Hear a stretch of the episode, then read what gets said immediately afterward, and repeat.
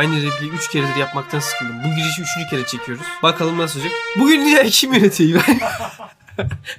dünyayı bir yapı yönetiyor. Kim yönetiyor sence? Hocam bir kişi... Ya, tahmin etmeni istiyorum. tahmin et. Hocam bir kişi mi arıyoruz? Bir kişi olabilir, devlet olabilir, bir organizasyon olabilir, gizli bir organizasyon olabilir. Masonlar. Değil. Masonlar değil. Rothschild de değil, Rockefeller de değil, Obama da değil, Trump da değil. Bugün dünyayı bir mantık yönetiyor. Bu mantıkta neoliberal mantık. Hiçbir şey anlamadın. Anladım aslında da. Ya ne anladın? Ne neoliberal mantık ne anladın? Şunu düşünebilir miyiz hocam? Bizim sürekli tüketmemizi sağlayan bir döngü var ve bu döngü biz tükettikçe kendi varlığını sürdürüyor. Pekmen gibi. Peki bunu birileri mi organize etti, orkestra etti? Yani neredeyse ben evet demek istiyorum. Bir Ama- uluslararası komplonun mu kurbanı oldu dünya? Hocam ben uluslararası ilişkiler okumadan önce böyle düşünüyordum. Dürüst. Uluslararası bir komplo. Ben Ee, bu 20 komplo- tane kapitalist bir masada toplandı ve dediler ki şimdi dünyanın başına bir bela yapacağız. Neden? Çünkü daha fazla kazanmamız lazım. Daha fazla tüketsinler. Şimdi biz bir ürün satıyoruz. Bunu satmamız lazım. Yani bu sana makul geliyor mu? Adam zaten zengin. Bununla niye uğraşsın? Rockefeller zaten bitirmiş adam. Bir de oturup dünyayı mı dizayn edecek? Saçma olmuş olabilir. Emin değilim ama yani ne bileyim ben Rockefeller olsam dünyayı dizayn etmeye çalışmam. Yani 100 milyar doların var. Dünyayı mı dizayn etmeye çalışırsın? Abi yön isterim ya.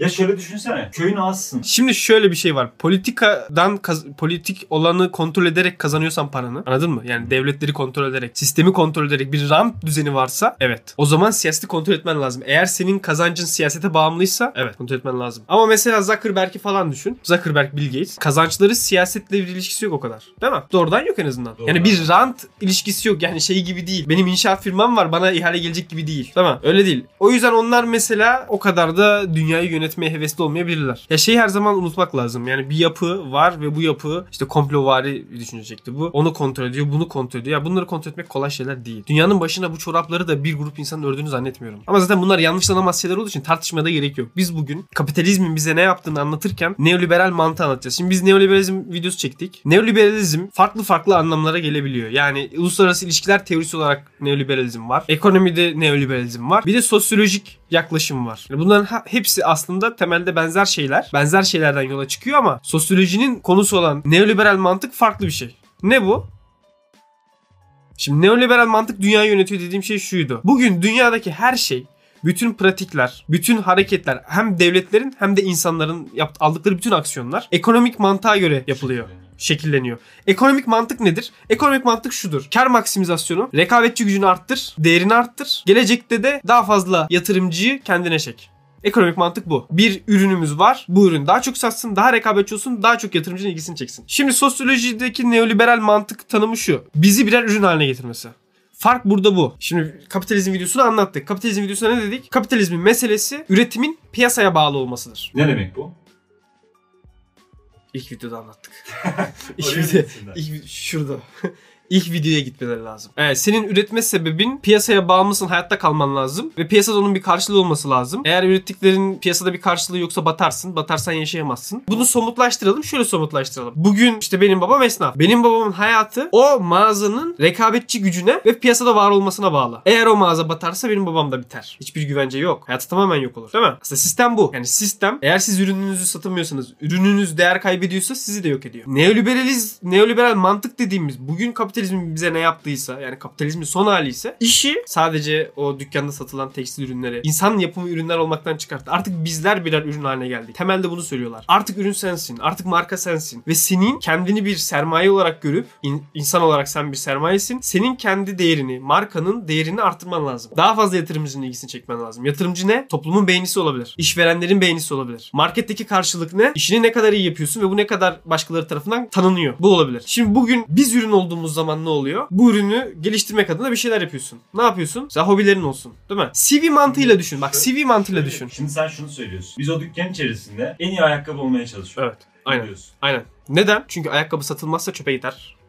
Değil mi? Aynı şekilde sen bu ürünü satamazsan ya sosyal olarak ölürsün. Kendini başarısız hissedeceksin. Ba- mahvoldum, fail oldum diyeceksin. Bunu zaten toplumsal olarak bunun ipuçlarını her yerden alacaksın. Karın varsa karın diyeceksen nasıl beceriksiz bir adamsın? Eve para getiremiyorsun. Arkadaşlarına bakacaksın. Arkadaşların tırnak içinde başarılı olmuşlar. Sen başarısız olmuşsun. Bitiksin. Başarısız olduğun zaman kadınsan erkekler seni sevmez. Erkeksen kadınlar seni sevmez. Değil mi? Yoksun aslında. Sen artık yok hükmündesin. Dolayısıyla senin bütün varoluşun ürünü ne kadar güçlendirdiğine bağlı. Romantik ilişkilerin de buna bağlı. Belki arkadaşlık ilişkilerin de buna bağlı. Benim buna çok temel bir eleştirim var ama. Söyle. Yani bunu bugünün dünyasıyla mı açıklayabiliyoruz sadece? Ya bu bugün herkes şunu görüyor. Her şey ekonomikleşti. Her şey kendi içsel değerini yitirdi. Kendi içsel değerini yitirdi dediğim şey de şudur. Utilitarian mantık. Utilitarian faydacı mantık şu. Yani sen bir şeyi artık o şeyi sevdiğin için yapmıyorsun. Mesela yelkene başladın. Hobin var. Yelken yapma yelken tutkun yok. Yelkeni merak da etmiyorsun o kadar. Ama güzel duruyor. Güzel duruyor. Bak çoğu yıllarca ben meselede bu var. oynadım ya senin sende böyle bir şey olmamış olabilir. Mesele bu değil. Ben şunu demiyorum. İnsanlar keyif aldığı işleri yapmaz oldular demiyorum. Ama birçok işte, birçok aktivitede bu aktiviteyi kendisi için yapmak yerine sana getireceği faydalar üzerinden değerlendirip yapma durumu ortaya çıktı. Burada şu vereceğin örnek daha güzel olabilir. Bir çanta var 400 bin dolar. Yani 400 bin dolara bir çantanın doğrudan bir karşılığı olmayacağını kabul etmemiz lazım. 400 bin dolar çalan, çanta alan adamın e, aldığı şey onun taşıdığı değer. Bu zaten şöyle. Zaten tüketim alışkanlıklarında bu %100 böyle. Yine kendimden örnek vereyim. İsim de verelim Lacoste. Lacoste'un o parayı hak etme ihtimali yok. Lacoste'un fason yapıldığı yeri biliyorum ben. Tamam mı? O parayı etmez. Onun nedir? 50 liradır. Am markayı çakıyor 500-700 lira diyor. Bunun bir anlamı yok. Bunun bir anlamı olmadığını alan bilmiyor mu? Ama benim gözümde sen Lacoste giyiyor oluyorsun. Evet. Tamam. Bu Şimdi evet tamam. getiriyor? Bütün tüketim alışkanlıkları aslında o yüzden yani. Ben Lacoste giyen adam oluyorum. Ben Mercedes olan adam oluyorum. Markanın değeri artıyor. Değil mi? Bu Ama- zaten çok net. Ben sana başka bir şey daha söylüyorum. Hobilerde bile bu var. Adamın çünkü mantığı şu bak. Ürün sen olduğun zaman şöyle düşünmek zorundasın.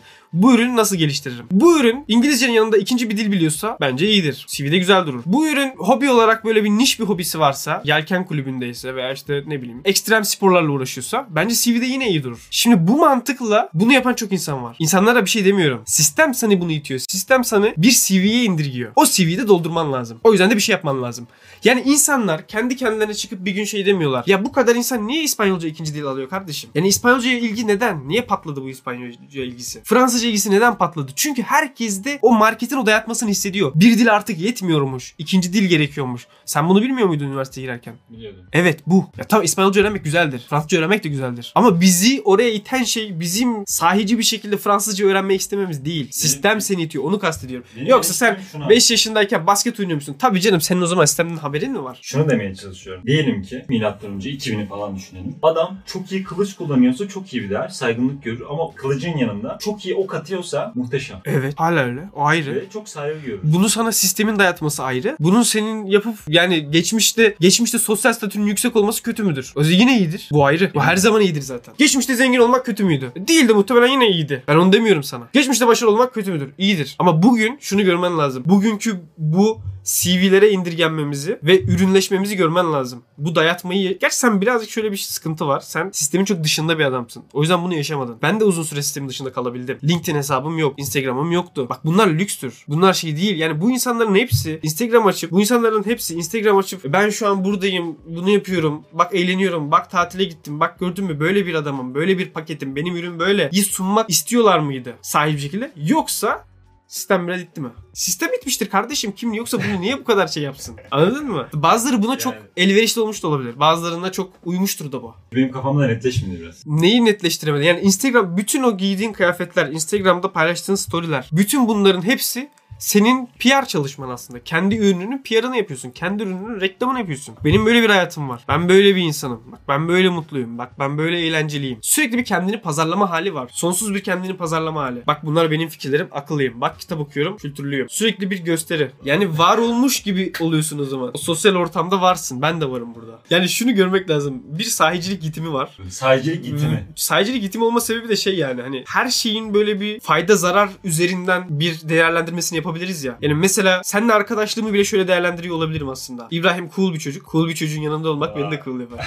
Sağ ol teşekkür ederim. Anladın mı mesela? Anladım. Bu olabilir. Şimdi bu olduğu zaman ortada sahici bir ilişki olmuyor. Mesela Bak, sen hayır, niye hayır, mesela hayır, bir dakika dur. Buna hemen itirazım var. Çok sevdiğim bir adam var Zerzek. Sen sevmiyorsun muhtemelen ama Zerzek şöyle bir laf söylüyor. Diyor ki... Zizek arkada- mi? Zayzek diye okunuyor. Jijek. Jijek diye okunuyor bence. Balkan ya.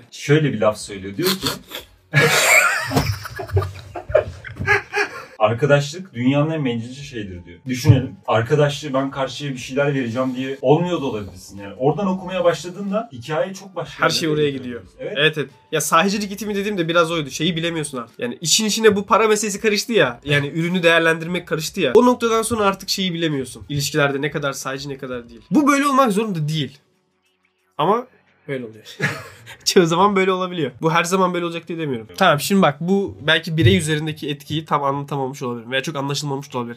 Bence iyi anlattım ama yine de Ben bir, bir dipnot düşerim. Şimdi devletler üzerinden anlatırsam daha güzel olacak. Senin sevdiğin konulara gireceğim. Şimdi bu neoliberal mantık tabii ki sadece insanları değil devletleri de esir aldı. Ve burada temelde olan şey devletlerin de insanların da bir firma gibi düşünmesi ve bir firma gibi çalışmasıdır. Şimdi devlet bir firma gibi çalışırsa ne yapmaya başlar? Kar etmeye çalışıyor. Aynen. Dolayısıyla da bütün varlığını, varlık sebebini ve politikalarını ekonomiye dayandırır. Bunun örneğini mesela bu ben bu videoda aslında anlattığım her şey Wendy Brown'un bir tane makalesinden geliyor. Wendy Brown diyor ki Obama, Obamacare'i veya işte göçmen politikalarını veya işte cinsiyet ayrımcılığına karşı mücadelesini hep ekonomi üzerinden justify etti. Hep ekonomi üzerinden justify meşrulaştırdı mıydı? Obama hep bütün bu politikalarını ekonomi üzerinden anlattı mantığını. Yani ekonomi üzerinden pazarlamaya çalıştı. Bütün bu politikaları halka sunarken dedi ki bakın bu bizim e, rekabetçi gücümüzü arttırıyor Amerika olarak. Bizim ekonomimize faydası var. Yani sen diyorsun ki ben bu politikaları ya bu politikalar ekonomik olarak faydalı kardeşim. O yüzden getiriyorum diyor. Şimdi bak bu çok tehlikeli bir şey. Bunu belki milleti kandırmak için de yapıyor olabilir. Ayrı. Ama tehlikeli olan burada şu. Devlet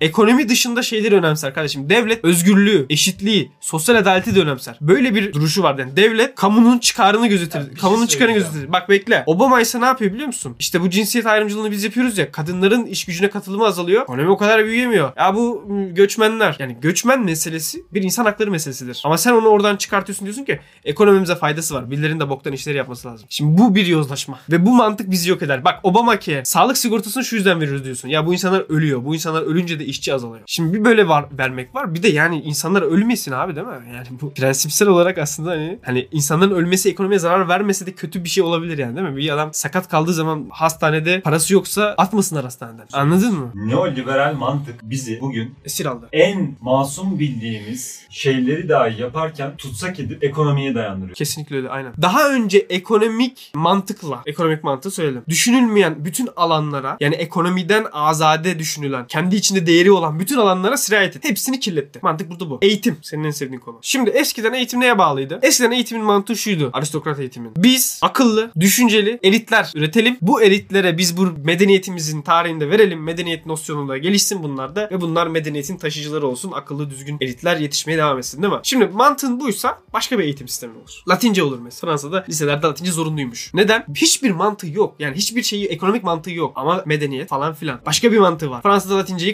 kaldırmışlar mesela Fransa'da okullardan. Celal Şengör çıldırmıştı ne yapıyorlar diye.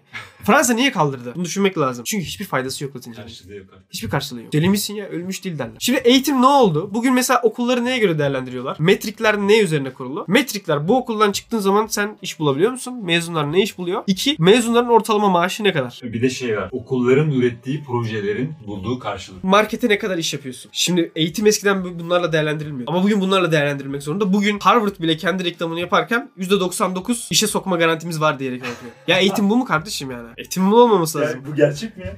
Yani yapıyordur.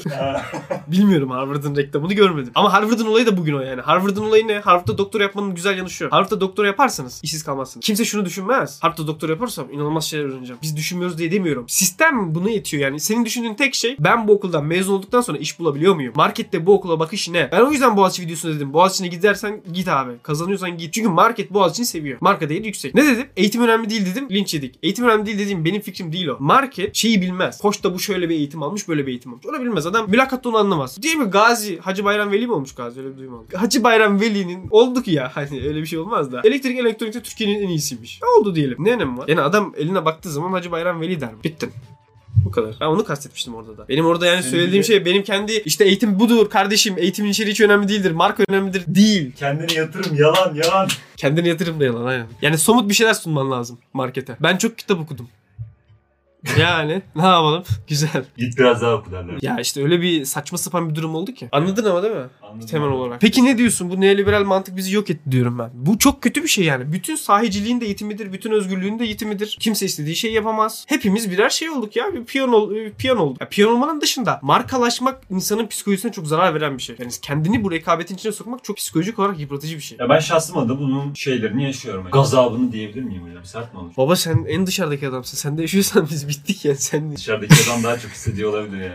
zararını gördün mü? Görüyorum. Öyle mi? Bir de seni dinleyelim. Ne oluyor dışarıdan olunca? Çoğu arkadaşımın ne yaptığını ne ettiğini bilmiyorum. Sürekli günlük hayatımda şöyle şeylerle karşılaşıyorum. İşte şunu yaptık ya diyor. Duymamıştım, söylememiştim falan diyor. Instagram'da paylaştım ya diyor. Abi ben yani onu gör. Orada olmak zorunda mıyım ya ben? Yani, Ki Instagram'ı geri açmak zorunda kaldın. evet. Aa, alta ben, ekleyelim ben, mi? ben ekle alta iyi, iyi kara. Ben mesela uzun süre direndim. Ben Facebook'a da çok direnmiştim. Facebook'a en son açmak zorunda kaldım. Instagram'a da çok direndim. Senin güzel bir lafın vardı yani. Aslında kolay olan açmamak da oluyor olabilir. O topluma girip kendini oraya hapsetmeye de bilirsin öyle bir şans da. Emin değilim. Ya kolay olan dediğim şu. Bizim pozisyonum yani benim pozisyonum şey değildi yani. Bir oyuna girmemek, oyun oynamamak övülecek bir şey değil bence. Oyun oynamak daha zor bana kalırsa. Oyuna girmemekte ne var abi? Ben Facebook'u açmam. Ben şuna girmem. İşte ben LinkedIn hesabı açmam. Ben CV yapmam. E diğerleri herhalde istedikleri için o mücadelenin içinde değiller. Bu birazcık ne diyelim? Şans diyebiliriz. Birazcık konfor alanını terk etmeme diyebiliriz. Bunun Güzel. övülecek bir yanı Bak, olduğunu bu, düşünmüyorum. bu bakış açısı bile bence neoliberal bir bakış açısı. Hangisi? Bu bakışın kendisi. Olabilir. Zaten bu şey diyorlar governing rationality. Yani bütün hayatımızı yöneten bir yönetici bir mantık bu. Şah damarından daha yakın. Evet yani çok zihinleri ele aldı. Bu sosyolojide bunu çok severler. Hegemonik söylem, hegemonik ideoloji. Yani her yere sirayet etti ve öyle bir hegemonik ideoloji ki sen orada olduğunu bilmiyorsun. Oradaki triko. E sen farkında değilsin aslında. Yani liberal mantığa göre yaşıyorsun ama farkında değilsin. Anladın mı? Onun orada hegemonyanın güzel yanı. Hegemonyanın olayı şeydir yani. Sana bir takım doğrular verir. Sen farkında olmadan o doğruları kabul edersin ama onlar aslında ideolojik doğrulardır. Sen onların ideolojik olduğunu fark etmezsin. Senin için onlar doğrudur. Onları alırsın direkt. Yani alternatifimiz yok ki. Şu anda olan mevcut anlamlıyı kabul etmek zorunda değil miyiz? Var mı? Ben sana şunu söylüyorum. Bugün sosyal bilimler öldü. Humanities öldü. Tarihtir, felsefedir vesaire vesaire. Öldüler. Klasikler diye bölüm varmış Oxford'da mesela. Akıl almaz bir şey. Klasik, dünya klasiklerini inceliyorlar yani. Zaten böyle bir şey hani bir tek belki Oxford'da vardı bilmiyorum. Zaten ölmüştü çoktan. Bunlar öldü. Bunlar niye öldü? Niye öldüler? Piyasanın ihtiyacı yok çünkü. Evet. Ölmedi devam edecekler. Sosyoloji bölümleri kapanır. Sabancı'nın sosyoloji kal- kültürel çalışmalar bölümü var. Lisansta bir tane öğrenci yok. Bir tane. Bir tane öğrenci yok. Neden? Ne yapacak çocuklar mezun olunca? Siyaset biliminde bütün 4 yılda 40 kişi varmış. Herkes mühendis oluyor. Yani dünya herkesin mühendis olduğu bir yere doğru gidiyor. Bundan 50 yıl sonra kim felsefe okur? Kim tarih okur? Okuyana aptal deriz. Yani bunların hepsinin bir sebebi var kardeşim. Bunlar boş yere alınmıyor. Türkiye'de artık İlber Ortaylı çıkar mı? Emin değilim. Böyle istisnai özel adamlar var. İşte günde 15 saatini bu işlere verip işte 30 dil öğrenmiş. Entelektüelle hayatını adamış. Bunlar artık çıkar mı? Hiç zannetmiyorum. Bunlar 19. yüzyılda çıkıyordu. Öncesinde de çıkıyordu sonrasında da çıkıyordu. Artık zor. Kim o kadar emek verir? Hesap yapıyorsun ya. Deli miyim diyorsun. Bu kadar emeği neye vereceğim? Karşında ne alacağım? Hiçbir şey alamıyorsun. Ne kadar maaşla çalışacaksın? Akademisyen olabilir misin? İş bulabilir misin? Bütün bunları düşünürken entelektüel olabilir misin? Büyük entelektüel çıkar mı? Bilmiyorum. Bilmiyorum yani. Bana kolay gelmiyor artık bunlar. Yani çok bir şey bildiğimden değil de yani bu yapı sanki bana işte bu çok faydacı ve hani sonuca bakan yapı. Sonuç dediğimde ekonomik olarak ne kadar karlılığa bakan yapı. Ne kadar karlı bu işe bakan yapı. Doğal olarak insani bilimleri öldürecek yani. Sosyal bilimleri öldürecek. Arts and Humanities öldürecek. Sanatı belki öldürecek. Ben mesela tam zıttını düşünüyorum. Yani gitgide sanata daha çok ihtiyacımız olacağını düşünüyorum. Yani şa- şiir niye bitti abi? Şiir niye bitti? Şiir var hala aslında. Yok bitti. Rap Evet. yapıyorlar. İşte al. yani şiir bitti. Yani 1960'da 50'de liseli çocuklar şiir yazıyorlar. Şair olmak istiyorlar. E Bunu bu hayatı isteyen ve göz alan insanlar var. Bugün de rap yapan insanlar var. Rap yapan insan niye rap yapıyor? Rap yapıp köşeye döneyim diyor. YouTube'a bir tane video koyayım. 2 milyon izlensin köşe oluruz diyor. Sanki rap rap çileli bir yol mu bana rapi anlatıyorsun? Saçma sapan bir cevap ver. Bu- Şiirin buradaki mantığı şu. Şiirden bir şey kazanmıyorsun kardeşim. Rapten Şiir Şiir kazanmayan çok fazla insan var rap yapıp. Veya bak sinemada var bu arada bu tartışma. Ne? Yani bağımsız film yapanlar bu yüksek bütçeli işler yapmaya başladığında kızıyor insanlar. Diyor ki Paraya ya, sattı. aynen paraya sattı bu kendini. Şu yapımcının altına girdi falan. E ne yapacak adam yani? Hani Var olmak çaresi? zorunda. Yapısal bir şey var yani. Yapısal bir durum var. Bakalım ya görürüz. 50 yıl sonra bir daha video çekersek sanat ne olmuş? Çok zor abi. Yani şöyle olabilir. Baban süper zengindir. O zaman yaparsın kabul ediyorum. Onun dışında yani orta sınıf bir çocuk veya alt sınıf bir çocuk, alt sınıftan gelen bir çocuk nasıl yapsın abi? Bunları nasıl şey yapabilsin bu sistemde, bu yapıda? O yüreği var mıdır yani? O cesareti bulabilir mi kendinde? Bulamaz bence. O sistemin içine doğuyorlar. O rekabetin içine doğuyorlar. Bizden çok daha büyük bir rekabetin içine doğuyorlar. Bu çok karanlık bir video oldu ya. Sonunu atarız belki. Gerçekten karanlık bir video oldu bence. Napolyon'un bir lafı var. Bizim memlekette. Böyle bir lafı var mı acaba? Bence var mıdır? Belki vardır lan. Yani ne diyorsun hocam? Yapacak bir şey yok diyorum ben. Hayat için her şey olacağına varıyor. Peki kişisel olarak bundan rahatsızsınız. Rahatsızım. Alternatif olarak başka bir yol var da biz oraya gitmedik mi? Biz buna biraz Böyle bir şey diyecek yok ben. Hiçbir etkimizin olduğunu düşünmüyorum. Hayır, hayır. Her şey doğal olarak ilerliyor ve içine düştük. Yapı da doğal bir şekilde gelişiyor. Yapıdaki pratikler de doğal bir şekilde gelişiyor. Biz de ya uyum sağlarız ya da ölürüz. Başka bir şey yok. O yüzden uyum sağlarız. Hiçbir şey yapamayız yani bence. Yapabilir miyiz sence? Yapsak daha iyi bir şey mi olacak? O da belli değil. Bilmiyorum sonlara doğru biraz duygusallaştık, durağanlaştık. Hüzün çöktü. Hüzün ki en çok yakışandır bize. Nasıl güzel şiir. Oğlum şiir niye bitti? Bak ben buna taktım. Bu Abi ilginç şiir- bir şey. Zweig'ın bir kitabı var. Kitap önerisi istiyor herkes. Dünün Dünyası diye. Kendi hayatını anlatıyor. Zweig'ın hayatını okudum. Kendi hayatıma baktım. Sonra dedim, tamam abi. Yani Zweig bak lisede, Zweig'lar lisede Latince öğreniyorlar, Fransızca öğreniyorlar. Almanca ana dilleri zaten. Latince, Fransızca eğitiminin yanında klasikler dersleri var. Derslerde dersi dinlemezdik. İşte Rilke'nin şiirlerini okurduk. Edebiyat dergisi çıkartırdık falan. Böyle bir ortam. Bu nasıl bir ortam abi? Ya biz 16 yaşında ne yapıyorduk abi? Biz 16 yaşında Beyin Sports açıp maç özeti izliyorduk. Fatih projesi geldi açıyorduk. Maç özeti izliyorduk biz. Gömlek dışarıda. Ya adamlar Rilke'nin şiirlerini tartışıyorlar. Edebiyat dergisi çıkartıyorlar. Latince ders alıyorlar. Öyle bir toplumdan, öyle bir eğitimden, öyle bir dünyadan buna geldik. Şimdi bunun nesini ben olumlu anlatayım? Olur mu sence? Olur mu sence? Bu yapı ne çıkarttı? İşte sen CSGO Master. Global. Mal gibi counter oynuyorsun. Bir gün dedin mi Latince öğreneyim? Bunlara doğru enerjim düştü. Enerjin niye düştü? Be- konu biraz şey oldu. Hüzünlendi. Ne yapacağız ne edeceğiz falan moduna soktu sen beni. hocam bitmişiz hocam. Bitmedik. O kadar da bir şey yok. O kadar da enseyi karartmaya gerek yok. Bir şekilde yaşıyoruz. Kapanış yok. Ben kapanış sevmiyorum. Böyle kapansın. Patreon, YouTube üyelik katıl butonuna katılarak, basarak katılabiliyorsunuz. Bu güzel bir şey. Bizi güçlendiren bir şey. Stüdyomsu bir şey yaptık burada. Işığımız var, mikrofonumuz var. Bunlar tabii sizin katkılarınız da oluyor. Paraya gerçekten ihtiyacımız var. Bunu söyleyebilirim. Neoliberal bir çıkış oldu hocam. Yani para ihtiyacımız var. Parasız bir şey olmuyor abi. Şu an bayağı iyiyiz bence. Toparladık. Işık var. Fena olmayan mikrofonlar var. Bir kamera daha alacağız. Bir ışık daha falan filan. Uçuş. 9W uçuyor. Görüşürüz hocam. Haydi. Allah'a ısmarladık.